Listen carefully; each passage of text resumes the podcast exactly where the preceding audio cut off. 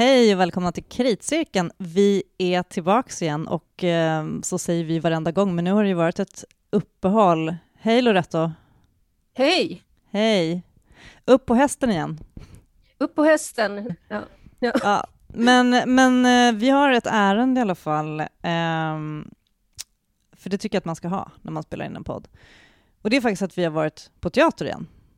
Ja. Yay! Yay! Don't call it a comeback, som LL Cool J hade sagt. Ja, typiskt bra citat. Jag tycker att du får börja, för du var först. Ja, jag var först. Det var ju så här att eh, 13 mars har på något sätt blivit eh, någon slags officiell eh, världslockdown-jubileumsdatum. Eh, mm -hmm. Och då bestämde sig eh, Regina Teater, Uppsala stadsteater tillsammans med ett 20-30-tal andra teatrar om i världen att eh, spela um, Nasir Salamunpours eh, enaktare Vit kanin, röd kanin. Den har, har inte Riksteatern kört någon vända med den? Jo, det gjorde de. Eh, de turnerade med den, med den 2017. Eh, säg att det var kanske 12 platser, 12 olika skådespelare. Uh, för det är nämligen så att uh, den här texten, är, eller liksom hela det, det, här verket är um, uppbyggt så att uh, det inte finns någon regi, inga repetitioner, utan teatern som ska då sätta upp den får ett par anvisningar som de ska liksom förhålla sig till och det är att skådespelaren får absolut inte under några omständigheter läsa manuset innan han, går upp, han eller hon går upp på scen. Eh, scenografin ska bestå av ett bord med två vattenglas eh, och sen en liten sån här fällstege. Eh, och eh, skådespelaren ska ta med sig en liten bägare med vatten in och så ska han eller hon också ha repeterat in ett djur, en djurimitation. Mm. Och det så måste det inte vara en liksom kanin? Det måste inte vara en kanin. Uh, jag tror att det receptet är för, för det, det, här djuret som ska övas in är också så här enhetligt och ska vara likadant varje gång. Men jag tänker inte spoila det. Nej, det blir ju, alltså, det här, jag, jag skulle jättegärna faktiskt prata om spoilers någon gång, eller, för det, mm. det kommer jag också, jag hade också sådana tankar den här gången. Um, det är en jävla utmaning när man är kritiker. Alltså, ja. för att, för att jag, jag läste ju din recension, jag tänkte så här, men vad, det här låter ju skitspännande, men hmm, man får ändå inte veta så mycket. Alltså, kan man säga någonting? Kan man säga något om temat? Liksom? Ja, alltså temat är ju liksom på något sätt teater, texten och teatern, för att det är ju liksom den här, eh, den här dramatikern som uh, pratar till publiken och pratar till skådespelaren genom det här manuset som skådespelaren sitter och, eller står och läser upp innantill. Så det blir liksom en väldigt så här, eh, väldigt intressant och liksom nästan liksom spänningsfylld um, resa in i liksom uh, in i språket, in i berättandet, in i liksom, ja, vad ska man säga, liksom teatern eller scenkonstens mest elementära, elementära beståndsdelar. Mm. För att du, du har ju liksom det här att, ja, och du liksom har ju liksom den här känslan, speciellt när man är kritiker och gått mycket, mycket på teater, och man är liksom så här, ja, nej, men det här, det här är en illusion om att det här inte är repeterat, och man sitter där och liksom är, hmm, har han verkligen inte övat? Har han verkligen, mm. är det här fejk? Är det här på riktigt? Så ful improvisation. Ja. ja, ja, men precis, och man vet ju faktiskt inte det, och, man, och hela tiden så är liksom den här, den här um, mångtydigheten liksom verksam under de eh, ja, 40-50 minuterna. Det beror på, den kan nog hålla upp till 90 minuter om det är liksom en fullsatt salong.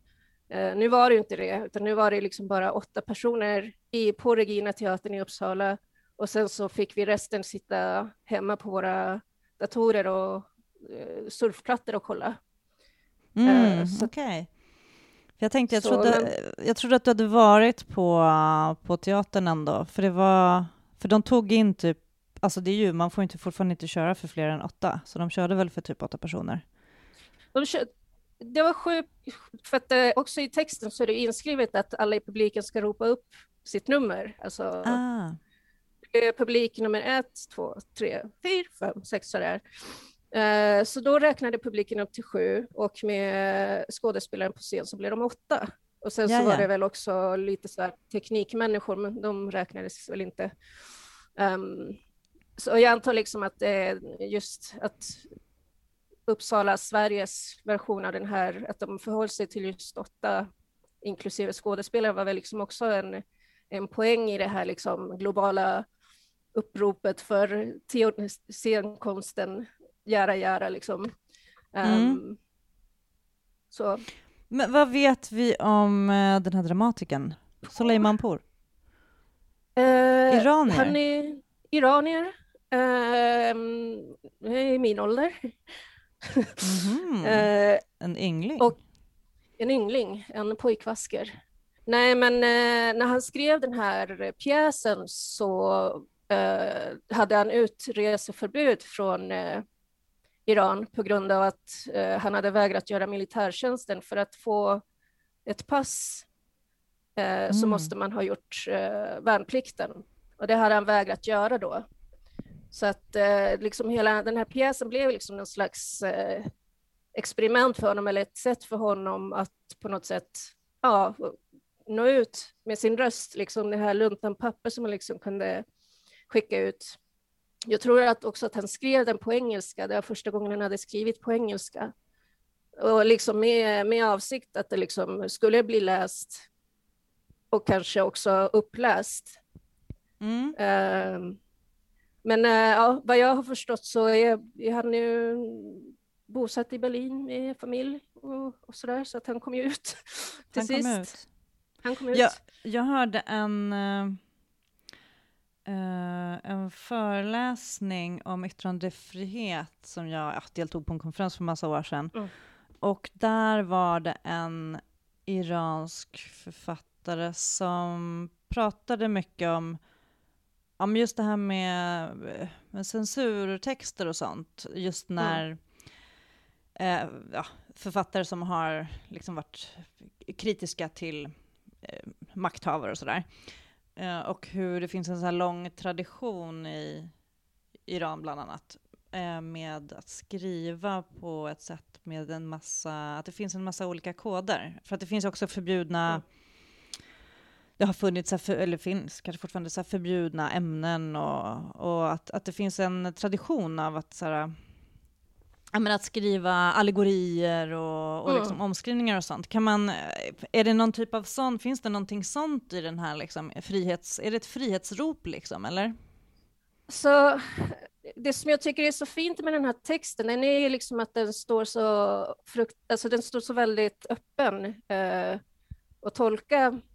Det är ju, liksom, det är ju definitivt en, en slags parabel eller liksom allegorisk skriven, för att det är ju liksom eh, eh, djur temat kommer upp i liksom flera olika skepnader eh, i den här texten. Fabeltricket eh, liksom? Ja, fabeltricket. Eh, publiken, delar av publiken bjuds upp på scen för att också spela djur. Nu spoilar det lite här. du, nu tycker jag det börjar låta riktigt intressant här. Ja, jag tänker på, nej, men, nej, på Jelinek. Varför tänker jag på Jelinek? Ja. Och, alltså, liksom, de vita och röda kaninerna, så det finns liksom eh, innebörder inbyggda där som man liksom eh, kan tolka på, på det mest liksom eh, breda socialpsykologiska sättet, men också som en, som en allegori till, till krig, förtryck och medlöperi liksom i, i, i det här som liksom berättas med de här kaninerna och vad som händer med dem och vad de gör. Åh, nu, nu, jag ser ju dig nu när vi spelar in här, nu tyckte jag du gjorde någonting med händerna, så nu tänkte jag att det är någon sorts handdockor också. Oh. ja, nej men okej, okay. jag, vet, jag vet att du sa verkligen så här, nej men jag har verkligen missat någonting. Mm. Och um, uh, jag gjorde någonting helt annat faktiskt den dagen, jag kommer inte ihåg, åt middag typ. Uh, ja. Men, men jag, en annan sak som jag tänkte som du tog upp i recensionen, det var just det här, i och med att du skrev, eller som du pratar om nu också, hela den här uh, idén om teateruttrycket och vad teater är och kan vara och liksom kopplingen till ja, men hur debatten så fortsätter. Folk fortsätter och bara ja, det är inte på riktigt om teatern är på en skärm. Eh, lite trötta på den vinkeln eh, har vi varit. Men du tog ja. upp, det jag tyckte var intressant var att du tog upp jämförelsen med ljudböcker. För det har jag ja. tänkt skitmycket på, just den här ljudboksdebatten eller vad är litteratur och vad är litteratur på riktigt? För jag skrev en annan grej för ett tag sedan eh, där jag själv faktiskt kom in på det och sen så har inte jag orkat lägga mig i och utveckla det men, men det finns ju en väldigt intressant sak med ljudböcker och det är det som, som jag tycker typ inte vanliga litteraturkritiker överhuvudtaget pratar om. Det är ju att det faktiskt blir en gestaltning av ja, texten beroende på vilken skådespelare och hur det görs. Ja, jo, men alltså jag skrev, en lång, jag skrev ett långt inlägg eh, på en essä till Teaterrummet om i den här gestaltningsdebatten. Och sen så kopplade jag över det till teatern och ja, men hur förhåller man sig till gestaltningsbegreppet på teatern? Det blir en himla teoretisk härva och så började jag prata om Schimmelpfennig för att han skriver ju pjäser som är, alltså så här, de är skrivna utifrån en typ tell don't show. Och då blir det så mm. himla märkligt, för det finns ju liksom också en jättelång tradition av det på teatern, så att när man läste om den här gestaltningsdebatten, att det skulle vara någon himla dogm att, eh, att litteratur, eh, att ju mer grad av gestaltning skulle vara bättre. Det är möjligt att det liksom finns en sån tendens, men det finns ju så himla mycket. Och så finns det också mm. alltid, i förhållande till litteraturdebatter och litteraturdiskussioner, så är det ju typ aldrig någon som pratar om dramatiken. Och det är ändå en typ av litteratur, måste man ju ändå mm. säga. Eh, det klassas ju som litteratur så länge, alltså i skriven form. Men medan vi liksom som håller på och tittar och analyserar väldigt mycket på teater, vi vet ju att en text kan ju framföras på typ en miljard olika sätt, även om man bara läser upp den. Och det mm. där är ju sånt där som vi hela tiden tittar efter på teatern.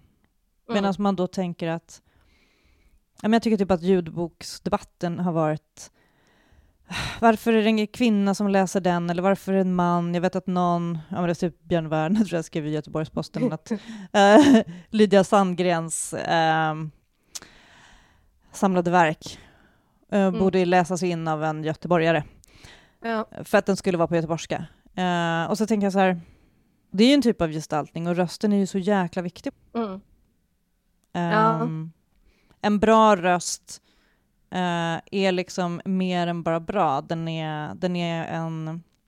Den lägger ett vad ska man säga, filter på orden eller typ lyfter ut saker, även om det inte handlar om betoning. Mm.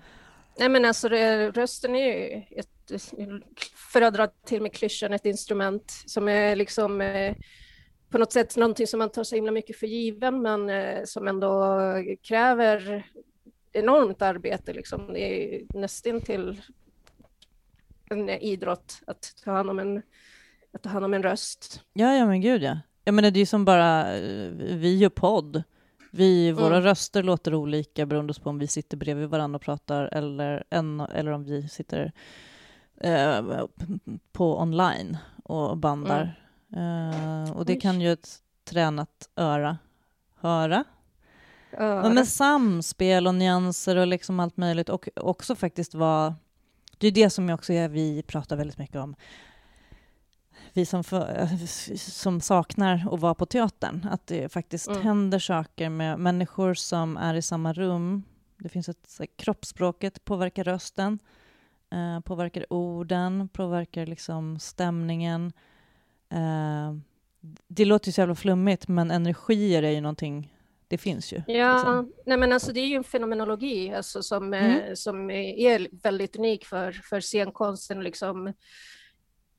Eh, så det här med att befinna sig i rummet liksom, i, i 3D med hela den här, alltså det blir liksom inte ens 3D längre eftersom alla, alla andra sensoriska intryck på något sätt bär med sig ytterligare dimensioner, skulle man nästan kunna säga. Mm. Men samtidigt så tycker jag liksom också att du, alltså den här diskussionen om att sitta i köttet och sitta vid skärmen tycker jag börjar ju faktiskt bli lite slapp. Ja, ja. Uh, för men... att alltså, det, det, är liksom, det, är klart, det är klart att det inte är samma sak. Men, uh, men samtidigt så måste man ju liksom också för, alltså utifrån de, de premisserna som som eh, skärmen erbjuder så måste man ju liksom kunna göra en bedömning därifrån och liksom inte bara nöja sig med nej men eh, tekniken eh, lägger på sordin på upplevelsen och det blir inte alls något bra. Utan man måste liksom på något sätt förhålla sig till att tekniken finns där och vad gör tekniken? Hur och varför liksom det här, alltså, är man kritiker så måste man ju liksom på något sätt alltså, specificera vad det är som inte funkar när tekniken förstör. Mm. Och det är ju, jag menar, där kan det ju till exempel vara en sån sak, jag vet att vi har pratat om det förut, men, men just att ljudkvalitet är ju en sak, alltså den tekniska ljudkvaliteten i själva överföringen, mm. men också faktiskt hur man använder rösten och vad man, var man landar någonstans, var man riktar sig någonstans, var riktar man blicken? Och jag tänkte faktiskt på det, ja, nu var det ett tag sedan jag såg den och vi pratade lite fram och tillbaka om vi skulle prata om den, men jag tittade på um, Unga Klara som har streamat sin um, uh, Johannes Anjorus uh, De kommer att drunkna i sina mödrars tårar efter hans bok, mm. Farnas Arbawi gjort den. Och tittade på den uh, och bara liksom en kort kommentar till det faktiskt var, för jag såg nämligen inte den, jag såg inte den i fysisk, utan jag såg den bara på nätet. Och tänkte på att de gör väldigt mycket en teaterfilm mm. av det. I och med att de har också så här, ska man säga, lite realistiska kulisser och så. Um, och det finns, men sen finns det ju liksom i boken och i storyn finns det, ja men det finns massa så här Aniara-referenser och så. Mm. Ska inte gå in så himla mycket på det. Men jag tänkte på det, och jag har tänkt på några andra gånger också när jag tittar, att där så kände jag att de har inte valt riktigt vad blicken ska vara. Mm. Uh, eller det kanske, de kanske har valt det, men jag hade lite problem med det, för det fanns ställen där det var så här, här kunde blicken varit rakt in i kameran. Alltså, mm. för det är en sån scen. Men tittar snett över, och det är såna här grejer som när man är på teatern så är det så väldigt genomtänkt. Uh, det finns liksom, det var någon, jag vet, har pratat om att det finns tre olika blickar på teatern. Alltså, det finns um, en blick som är rakt på publiken, sökögonkontakt rakt in i ögonen.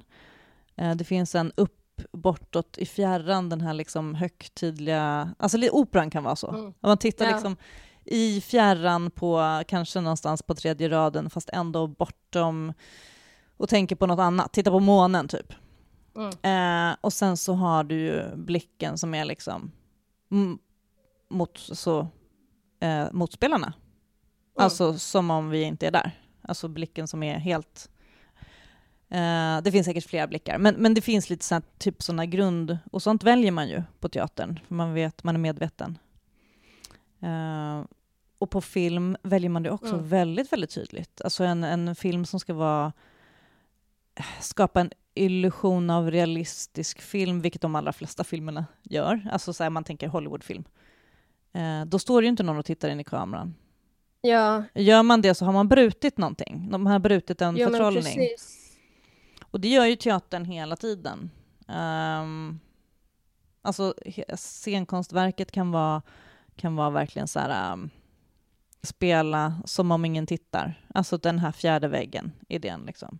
Mm. Men det är otroligt lite scenkonst idag som spelas på det sättet, som har den här riktigt illusionistiska liksom, ja. uppbyggnaden. Nej, men alltså, grejen är den, det är ju också, alltså, det är ju fasiken en hel yrkeskategori att liksom göra storyboards och liksom faktiskt ruta för ruta bestämma vart de här blickarna ska vara mm. i film. Men det verkar liksom som att inte, inte den här kunskapen, eh, att man liksom inte riktigt har vetat att ta med sig den här den här yrkeskunskapen till, eh, till eh, den filmade, strömmade teatern. En del gör ju det jättebra, som den här Lenin som vi såg förut. Mm, ja, gud ja.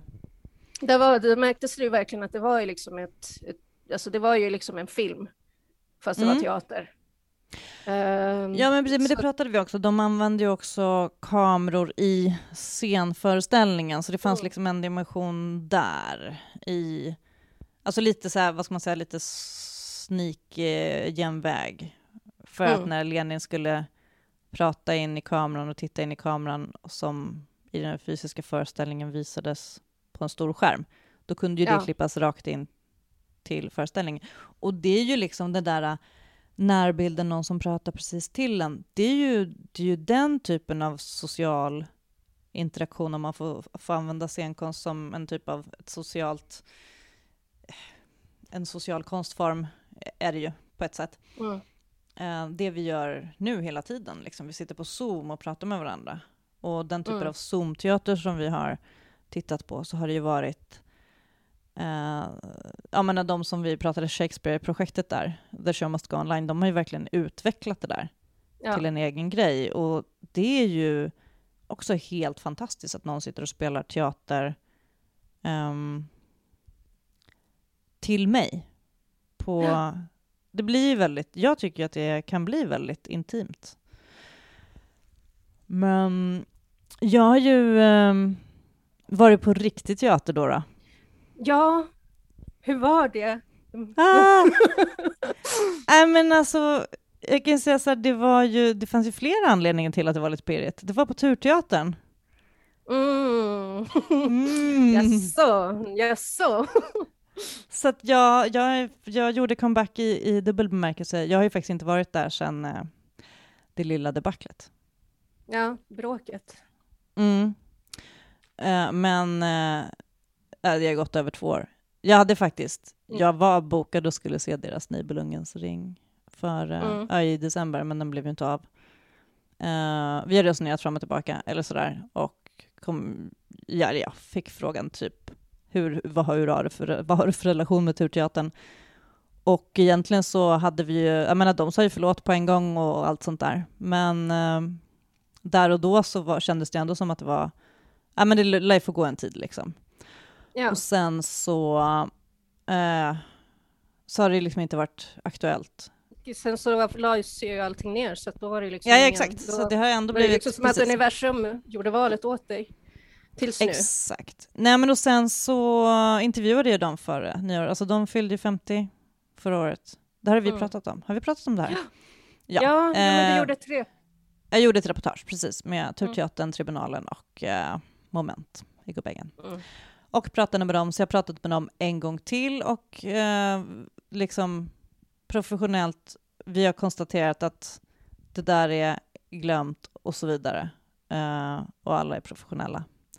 Mm. Uh, och jag kan säga att det känns ju inte som en överhängande risk att, att de kommer att göra något liknande mot mig. Helt Nej, oavsett alltså vad jag det... skriver, de kommer inte släppa lös internettrollen på mig eller något. Alltså jag menar nej, så det, det där är utrett ja. liksom.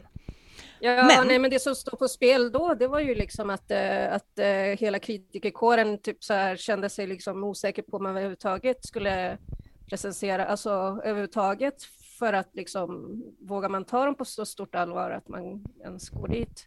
Men det mm. har ju liksom blivit överspelat nu. Ja, precis. Nej, men det var väl precis det. Och tid har gått och så vidare. Vi gör som kungen. Jag tycker att det är bäst att göra som kungen ibland, bara vända blad. Ja.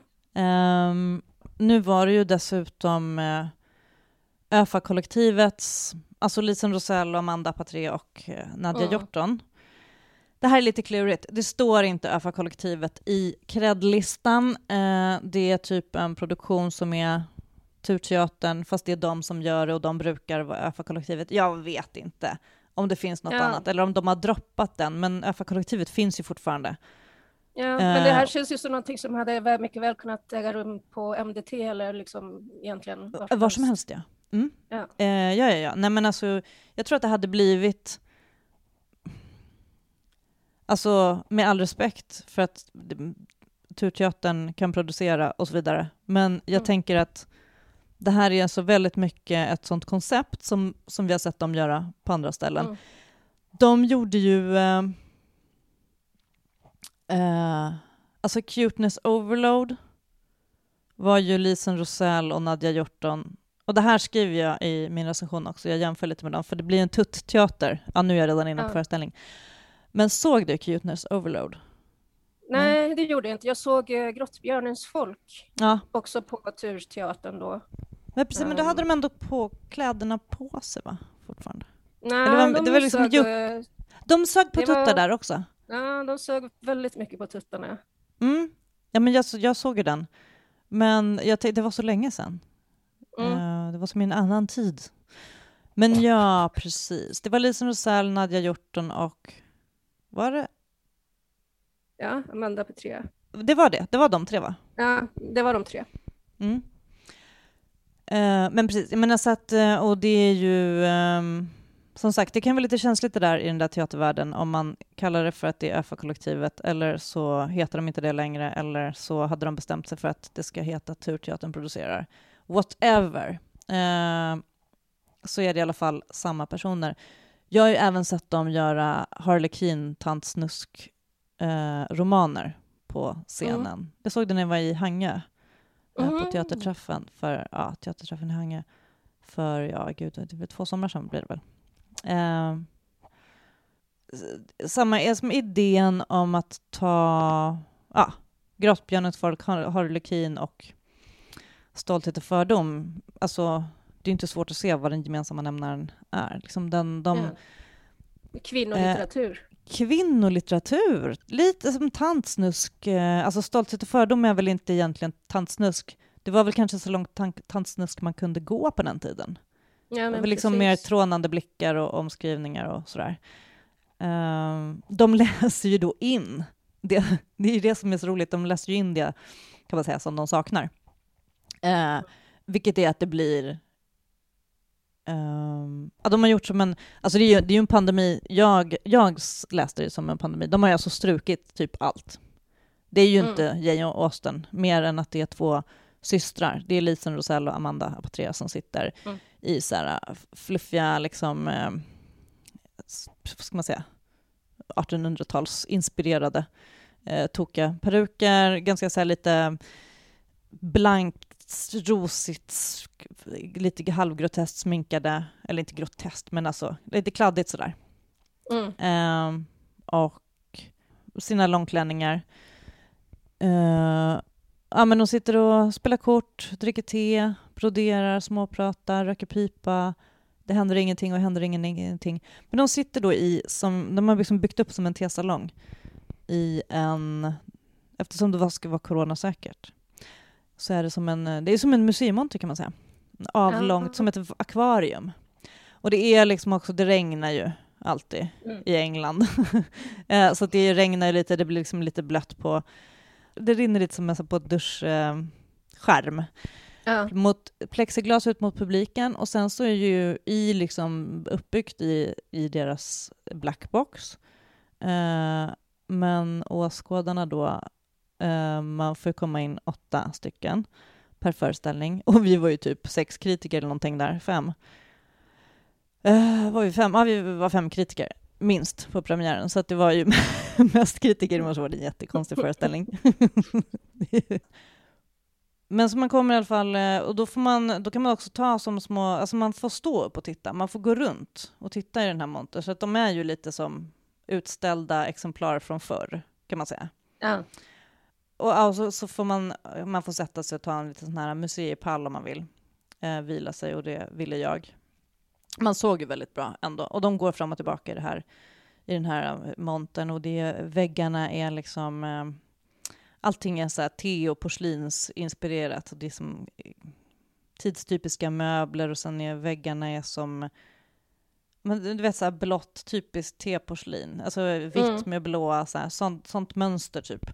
Det är jätte, de har jättestora tekoppar på scenen och de har små tekoppar som de stoppar mm. tuttarna mm. i. Eh, och de har stora tekoppar som är lika stora som en potta, men de har också pottor. Eh, och där, det kissas i pottorna. Mm. Eh, och det strilas. Och det, det går liksom, ja det går över till det, det, det, nummer två också kan jag säga. Mm. eh, och här tänkte jag att det finns en uppenbar referens, jag tror jag skrev det på Twitter, det finns någonting med två tjejer och en tekopp här. Eh, som, eh, som jag, jag, tror faktiskt, jag är ganska säker på att de har den, eh, att den referensen är, är, ligger i där, om man vill hämta den. Det är jätteroligt eh, och, men det var det här jag skulle prata om, spoilers. Jag, jag kände just sen när jag skulle skriva om den här, hur mycket ska jag skriva? Jag skriver att det blir dirty eh, och att, det blir, att de är lite groteska och sådär. Just det vet sen, man ju om man känner till dem. Liksom, ja, också. precis. Eh, sen är det ju också mitt så här, jag tänker att man, man bör förstå att det är någon typ av groteskt, men så här, och de har jätteroliga rollspels, liksom. de börjar ju... Alltså först håller de ju på så här som de gör med sina kroppar och med tuttarna.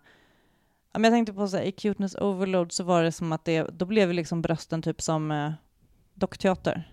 Ja. Och de ritar ögon och sådär och, och små nosar och eh, fantastiskt eh, roligt och kreativt. Men de på något sätt liksom avsexualiserar samtidigt som ja, det liksom skiftar lite fram och tillbaka. Det är liksom gullighet och det sådär. Mm. Men här är det ju den här liksom varvet runt. Mm. Att det liksom är först ser det lite som att de sitter och leker och börjar ta fram tuttarna och lägger upp dem på silverbrickor och trycker in dem i notstället och vad de håller på med. Lite så här för att de är uttråkade. Alltså man tar vad man har liksom. Mm. Och sen så kommer de på att det här var liksom lite roligt och så börjar de krypa runt och leka. Ja, ja men det är ju fantastiska scener. Men de här, man vill ju helt enkelt, jag kanske, man ska inte spoila allting, men å andra sidan, de säljer åtta biljetter per föreställning och allt är slut, för att jag tror inte att det är så många som kommer att se det här. Ja. Men eh, jag tänkte just på det, ja, så vi behöver inte prata mer om det, men jag har skrivit min recension i Aftonbladet och eh, jag tyckte att det var roligt. Och de har en, det är också jävligt briljant. De börjar spela, de har ju, de spelar tvärflöjt och cello. Lite så här på kulturskolenivå, om jag får vara Mm. Ärlig. Men så bara drar de Wonderwall. Och det är ju så här, Mm. för, för de allra flesta så är det liksom urtypsreferensen för snubbe tar fram en gitarr på en fest. Ja. Eh, så att, och då sitter jag ju plötsligt och bara asgarvar. Eh, Ja. rakt ut. Och det här blir ju lite roligt när det är åtta personer i salongen. och så bara, nu sitter Aftonbladet och skrattar jättehögt. Ja, ja, men precis. Men Ehm, alltså, när, jag, när jag läser en recension så får jag liksom ändå lite så svårt att greppa, greppa vad det är för något. För att du skriver ju liksom på ett ställe, publiken hinner dela systrarnas uttråkning, men efter några hulkande gråtattacker så briserar stämningen. Men, eh, och sen så eh, avslutar du ju, eh, din text med att, med att berätta om det här liksom skratt, gapskrattet till Mm. Wonderwall. Men alltså om du skulle liksom ge en one-liner för, att, för, att, för, för Turteaterns marknadsavdelning. Alltså, I don't do that. nej. Men om, det, om, du, om du säger det till mig då, som är ja. din kompis. Nej men alltså till, till att börja med, och det tänker jag så här, det här är ju också jättesvårt, för jag tänker att man fattar att det här är ju inte, det är inte teater, teater. Det är inga Nej. repliker, det är ingen story, det finns inga friare, och, och grejen är den att tar man bort friarna, tar man bort Darcy och Bingler eller vad de heter, eh, från Stolthet och fördom, så har man ju typ ingen plott. Ja. Om, man inte, om ingen får komma och hälsa på för att det är corona, så hör man hur de här droskorna bara åker förbi. Så det Ja. är ju så här, Bechdel-testet som liksom... eh, Ja, sätt- grejen är att slä, slänger man på Bechdel så, så blir det ingenting kvar. Ja, Eh, och, men det som blir kvar är ju, och grejen är att vad händer om, om det inte kommer någon, om, om det liksom ingen, ingen hälsar på och de aldrig får gifta sig, ja då börjar ju liksom trycka på lite. Mm. Eh, I trosorna.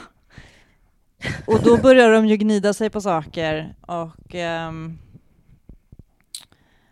ja, leka med varandra helt enkelt. De leker, jag är en liten vante och det är ingen som har haft sin hand i mig på länge. Typ. Okej. Alltså, det är på den nivån, ja. ja, Och det hade jag ju kunnat skriva. Men grejen är att det är en performance, så det är, så här, Mm. det är väldigt lång tid som det händer typ inte någonting. mm. Eh, de går fram och tillbaka och de... Och sen så kommer, ja men det blir ju något så här, det finns ju en typ av... Eh, de är ju jävligt bra på det här. Det finns en dramaturgi som är liksom att nu när man tycker att nu börjar det bli väldigt uttråkat så smyger det liksom fram och så börjar det regna igen och sen börjar regnet kommer och de står och gråter och, och är helt förtvivlade liksom. Mm. Jag tycker, Och- det låter, jag tycker det låter roligt. De eh, fick ju, alltså, man tänker liksom Grottbjörnens folk som ändå var en ganska stor produktion med en ganska liksom invecklad eh, scenografi och de var ju ändå turnerade med den. Eh, Mm. Det vore ju nice om de, gjorde, om de fick chansen att åka runt på lite andra ställen och visa upp den här också. Mm. Den, är ju, den här är ju, tror jag... Alltså det här är inte för alla. Det är, det, finns, det, är, det, det är en typ av scenkonst som... Och det vet jag faktiskt också när jag såg... eh, ni var på Hangö och såg eh, när de gjorde Harlequin, då gjorde de ihop med Blaue Frau. De gjorde som dubbel, double bill, liksom två mm. versioner. Uh, ja, men det var också så här, det var liksom lite vanliga teatergåare. De var så här, alltså det här är, man hörde lite så här, alltså det här är inte min typ, ja, det här, det är inte det här jag vill se när jag går på teatern. Ja, det, det finns en publik som vill sitta mm. och som vill ha en story och eh, som... Eh, jag kan också känna lite grann det här med typ kladda bajs. Eh, det provocerar inte mig. Ehm, och det är så här, oj, oj, oj, oj, vad tokigt. Har man sett det många gånger så, så blir det liksom så här, jaha, ja det var en sån här, då skulle vi gegga med bajs. Ah, ja, nej men okej. Riktigt varför? Alltså jag tror, alltså om jag ska vara, så här min tolkning är, jag tror att det är jag, jag kanske borde läsa om då Stolthet och fördom. Eh, det kanske finns om... en uh, Two Girls One Cup-scen där som... Ja, exakt. Någonting väldigt, eller typ att någon kanske trampar i någonting. Alltså jag vet att det är någon sån här, filmen minns jag, eller någon sån här typ att det är någonting med att de är skitiga klänningar, och, eller som någon är smutsig och blir lite så här tittad på, nedvärderad. Så här, oh, det, det där var inte så passande, för de här, ja men det är ju några fula systrar också som är lite, mm. som är lite groteska sådär. Så jag vet inte om man ska tänka sig att man ska de här två är de systrarna kanske som blev över då? Alltså är, är liksom, kan ju vara efter att alla andra har lyckats bli gifta och sen så är de här två fulaste kvar. Fula Askungen, mm. systrarna, alltså det finns ju liksom, man kan ju ta, ta referenser fram och tillbaka och framförallt så handlar det ju om alltså lite så här vad kvinnor har förväntats göra och vilja och få göra och hur mycket plats man får ta. Alltså det, det är ju definitivt alltid en sån feministisk ja. eh, linje i deras verk. Jo, men att precis. De... Jag tänker mig liksom också i den viktorianska eran så var ju liksom eh, kvinnokroppen var ju på något sätt eh, avskaffad eller vad man ska säga, förutom eh, till den enda funktionen att eh, föda barn. Mm. I princip. Exakt, och, ja, precis. och kvinnokroppen var ju liksom egentligen bara närvarande i form av sjukdom och alltså tuberkulos och liksom hela den estetiken att man skulle på något mm. sätt vara, vara svag, liksom en icke, icke-kropp på något sätt. Mm. Så att om jag liksom kan tänka mig liksom att, att det finns, alltså, nu sitter jag här och spekulerar utan att ha sett den, men, jag kan Nej, liksom, men... när, jag känner, när jag känner till deras estetik och liksom fattar liksom att man har med alla de här kroppsfunktionerna, alltså det är liksom en väldigt medveten vinkning till, till också till en tid då, där, där eh, kvinnors kroppar eh, medikaliserades på ett väldigt förtryckande mm. sätt. Hens kissas det och bajsas. Ja, Helt precis. Uh, så. Och um, och sen så finns det ju hela den här brittiska, och där blir det lite intressant då. Nu, nu okej, okay, jag går och spoilar galore. Eh, det är inte så många som lyssnar på den podden då. Men eh, efter den här bajs, eh, liksom, eh, historien så börjar de, det hänger ju en Union Jack-flagga synlig på scenen. Man ska ju bli påmind om att man är i, vi är i England.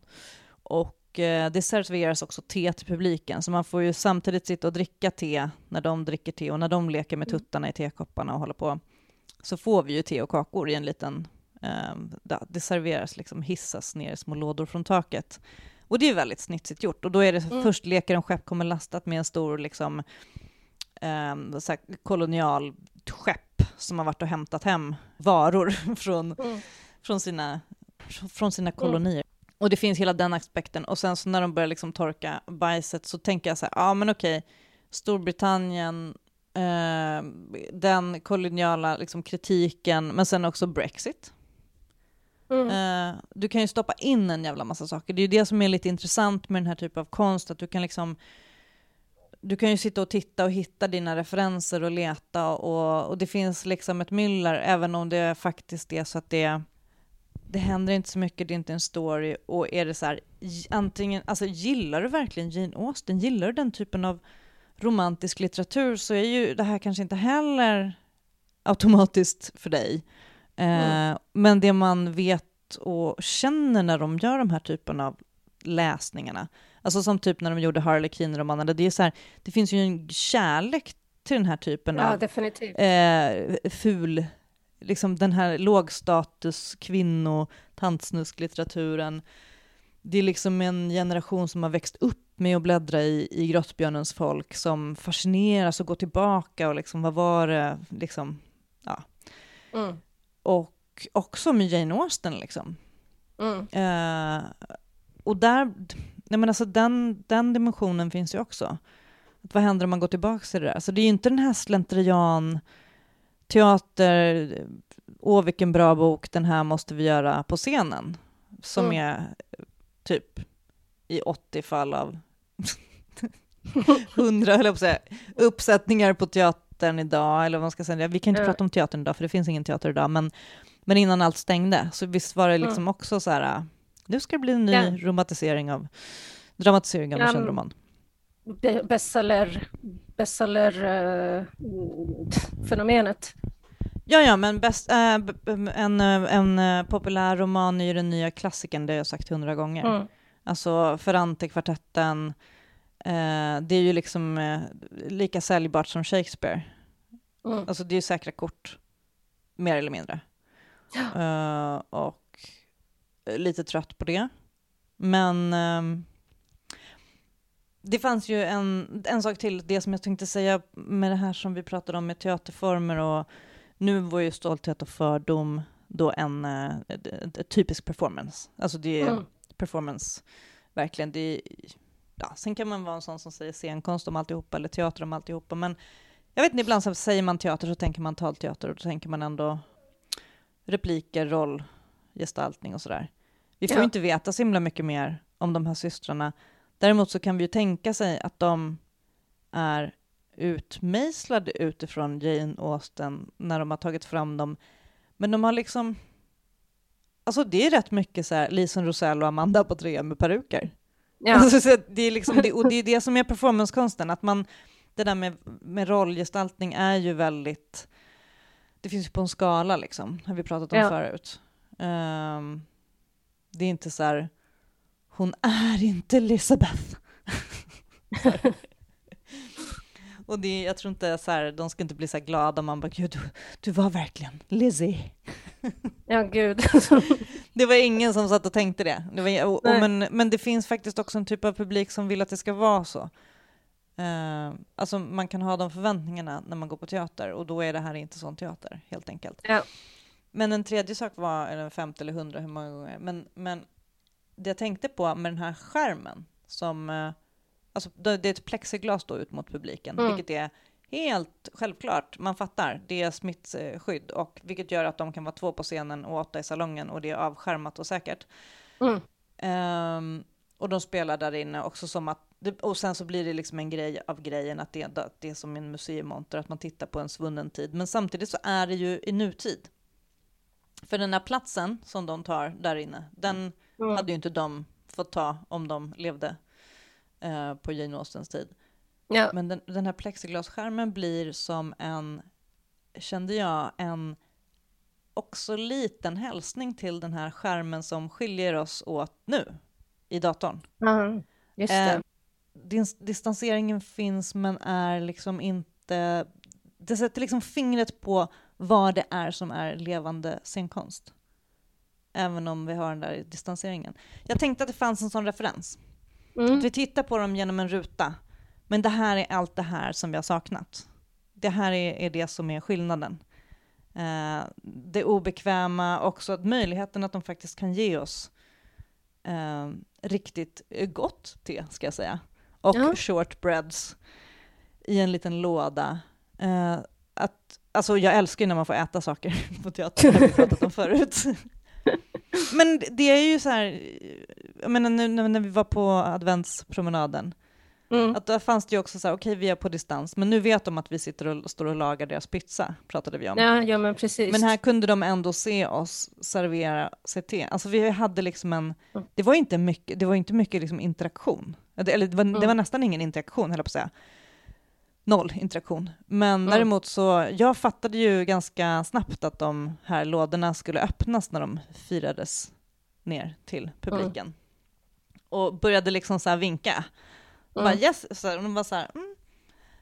Ehm, men om vi hade suttit där väldigt länge hade de ju blivit tvungna att säga så här, bara, Hamalawa, öppna lådorna, ni ska dricka te. uh, men vi var en uh, ganska uppfostrad publik. Och jag tänkte också att det här är en föreställning som inte skulle göra sig streamad alls. Nej. Jag har svårt att tro att det här funkar. För att det där liksom, det som är obekvämt när de börjar hålla på med brösten, eh, det är okej, okay. alltså så här, det Cuteness Overload gjorde de ju en, en streaming av på Hange, den digitala Hange teaterträffen, som jag tyckte funkar väldigt bra, men de gjorde det live. Mm. Uh, livestreaming. Um, men här går de ju ett steg längre, kan jag säga. Um, och den där obekväma känslan av också när man sitter, jag vet inte, det finns någonting med, man sitter i en salong, man vet inte vad de andra, kommer någon annan här i salongen bli chockad över här nu? Ja. Uh, inte, inte så att kanske just den premiären med typ majoriteten kritiker, väldigt så här, luttrade teatervana. Men hade det varit en större salong, hade det varit liksom, liksom lite mer blandad publik, det kanske ändå inte är det på Turteatern eller på ÖFA-kollektivets föreställningar, men, ja, men tänk att det var, tänk att de skulle spelat den på en kanske teaterfestival där. Och det är nog så här. Då, då finns ju den där, jag kan, jag kan känna ibland att jag tar ansvar för att andra människor blir provocerade på ett så här märkligt sätt när jag sitter mm. i samma salong. Och jag kan också känna att jag, det gör någonting med en när någon reser sig upp och går. Mm. Eller börjar säga åh nej, typ när någon börjar så här, kladda med bajs på en ja. annan person. Alltså, det händer ju inte om jag sitter vid datorn, såklart. Nej, och framförallt, framförallt jag... så, man är ju så, man är ju så tuttvan alltså via, på skärmen. Alltså, det är ju liksom en helt annan sak i, i köttet. Mm. Um, och grejen är att i och med att de sitter väldigt länge och gör ingenting och pysslar och grejer, och man inte vet, det kan, alltså det finns ju en, det finns ju alltid en möjlighet att det kanske bara är det vi ska titta på i en timme och 20 minuter. Ja. Och då när det har hållit på i 20-25 minuter och inte, de har inte sagt något, inga repliker, de har nästan inte så tagit notis om att det är en publik där, då kanske man stänger av. Jag skulle mm. nog kanske göra det. Eller mm. nej, kanske, jo, eller om jag inte måste se den, jo. Alltså, jag tror ändå att det är en ganska överhängande risk. Den där utdragna performance, typisk long duration performance typ, eh, någon sitter och tittar på en eh, banan i tolv timmar. Ja. Det är liksom inte, varför ska jag... Nej. Ja, det, men det är ju som, eh, vad heter hon, Marina Abramovic? Ja, ja, det var henne jag tänkte på. Ja. dra, dra skämtet om eh, hur många performancekonstnärer det krävs för att byta glödlampa. ja, det är världens bästa skämt. Ingen, för att de blir aldrig klara. Eller någonting sånt. Ja. Och grejen är att det här är också så här, eh, apropå att det faktiskt är olika konstformer, så det finns ju lite grann en grej, det finns ju lite så här, eh,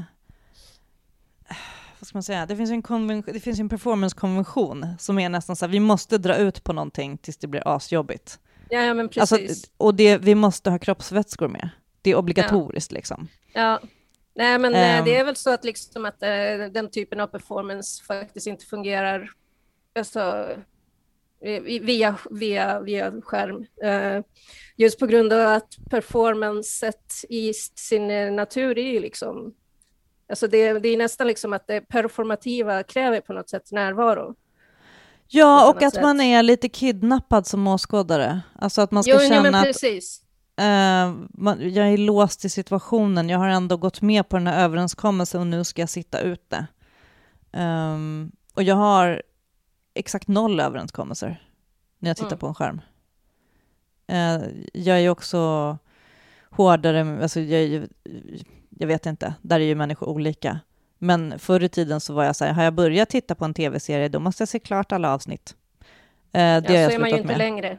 Nej, det finns för mycket. Alltså det, jag har inte, det, det flimrar förbi saker hela tiden. Det jag läser inte klart böcker mm. om de inte är bra första 50 sidorna. Liksom.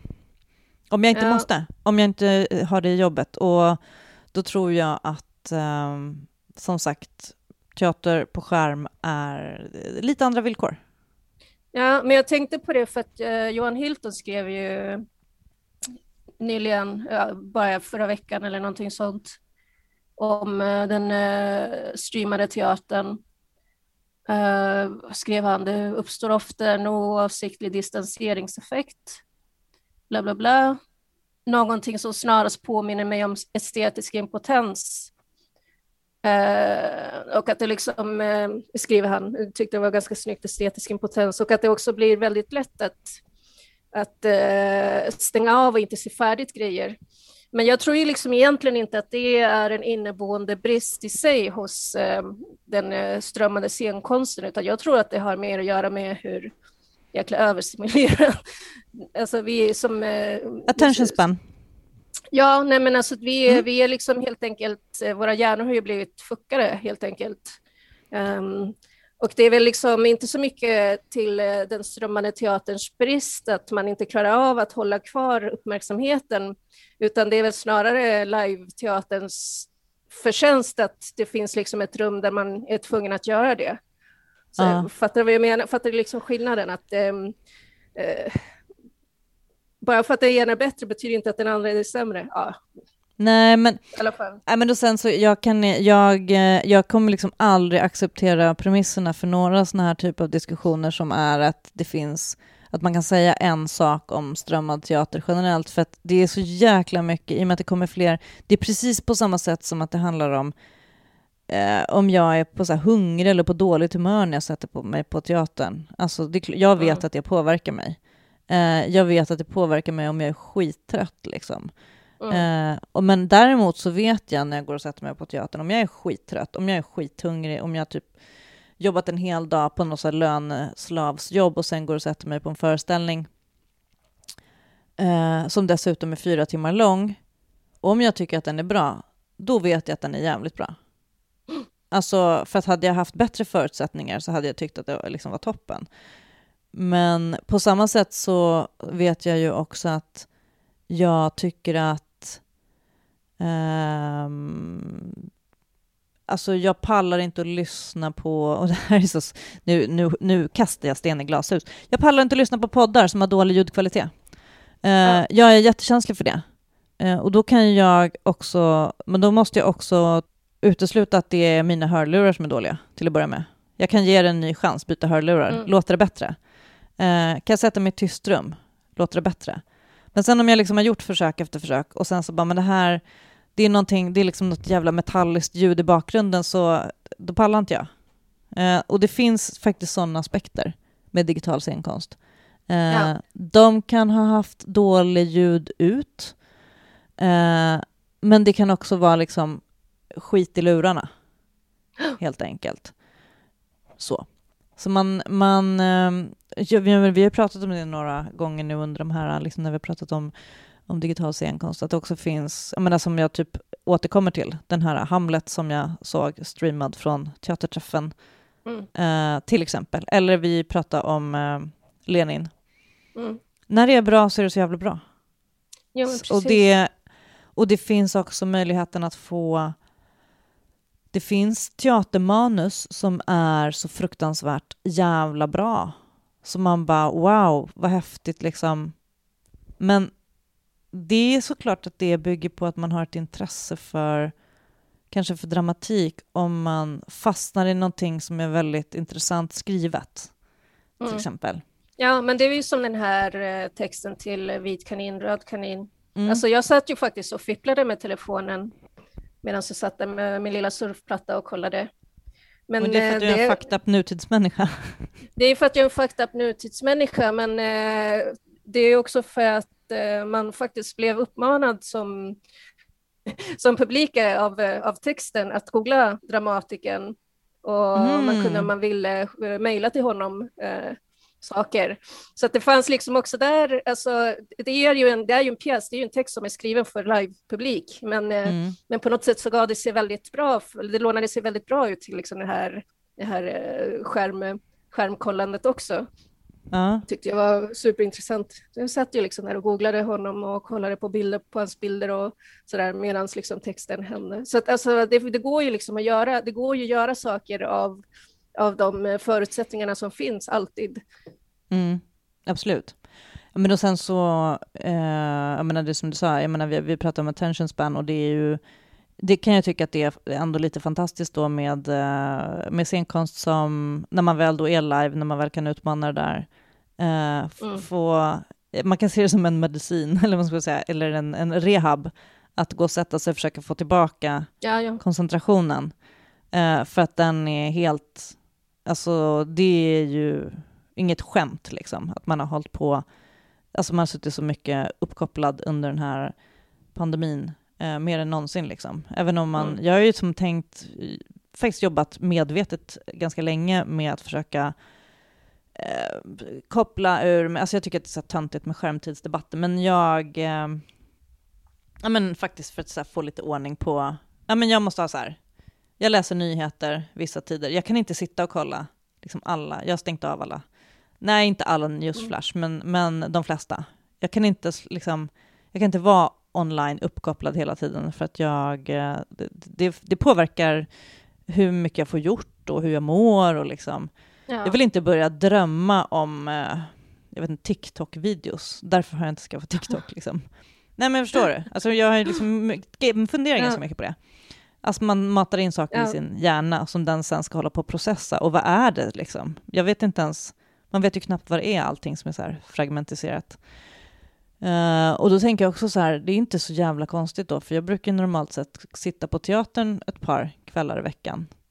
Uh, och jag har ju skojat om det ibland, det är ju typ den enda mm. tiden uh, som min telefon är avstängd. Ja, ja men precis. Och det där, där tycker jag, ja men då är det bra att kunna gå på teater, för då brukar jag stänga av den. så att jag ser fram emot långa föreställningar utan mobil så småningom. Men nej, men nu, vad tror du? Tror du vi kommer få gå på teater snart igen? Jag tvivlar. Nej, alltså inte tidigast hösten. Och då menar jag liksom mitten av hösten, kanske september, oktober, oktober. Mm. Mm. Nej, det känns väldigt... Uh, det känns lite så som att jag hittar på att jag varit på teater i fredags, men jag var det. Um... Ja, jag blev jätte, fick jättemycket FOMO när jag såg alla er som var där. Mm. Ja, jag saknade dig faktiskt. Det var verkligen en, jag kan säga att det var en Loretto-pjäs. Uh, och också oh. så här, och sen är det, det har vi pratat om förut med performance. Det är någonting som är, det är liksom, jag känner att man måste ta ett annat grepp när man recenserar. Uh, till exempel så, uh, nej men det är ju inget skådespeleri riktigt. Alltså de agerar. Det är, mer, alltså det är ju ja. mer konst. Så vad ska jag säga så här, gjorde de det bra? Eh, när precis. de lekte, jag är ett stort gods, jag vill komma in i dig, typ. Eh, liksom vilken, vilken måttstock på skådespeleri ska man sätta? Det är ju mer så som att de drar en typ av skämt. Ja. Eh, ja, du fattar. Mm. Um, så jag är i och för sig... ja. Så det är ju någonting, det finns ju någonting där med, med premisserna som man måste förhålla sig till. Ja. Um, mm. Men du, um, mm. kul att prata alltså. Ja, det var inte igår. Nej, det var det inte. Um, ska vi säga så så länge? Så ja. um, Får vi se när det blir, när det blir kritcirkel igen. Vi kollar runt lite eh, och ser om vi hittar någonting mer att prata om. Så hörs vi snart igen. Så tack så mycket Loretto Villalobos. Tack. Som faktiskt också har påstått att du har slutat som kritiker, men still så har du skrivit en recension. du var på teater ja. och skrivit en recension. Någon, någon måste göra det. ja, hon säger nej när hon menar ja. Mm. Tack så mycket för att ni har lyssnat på Kritcirkeln igen. Jag heter Cecilia Djurberg och om man vill oss någonting så går det bra att mejla oss på podden kritcirkeln gmail.com eller leta upp oss i sociala medier. Vi lovar att svara om ni är snälla. Tack så mycket. Vi hörs.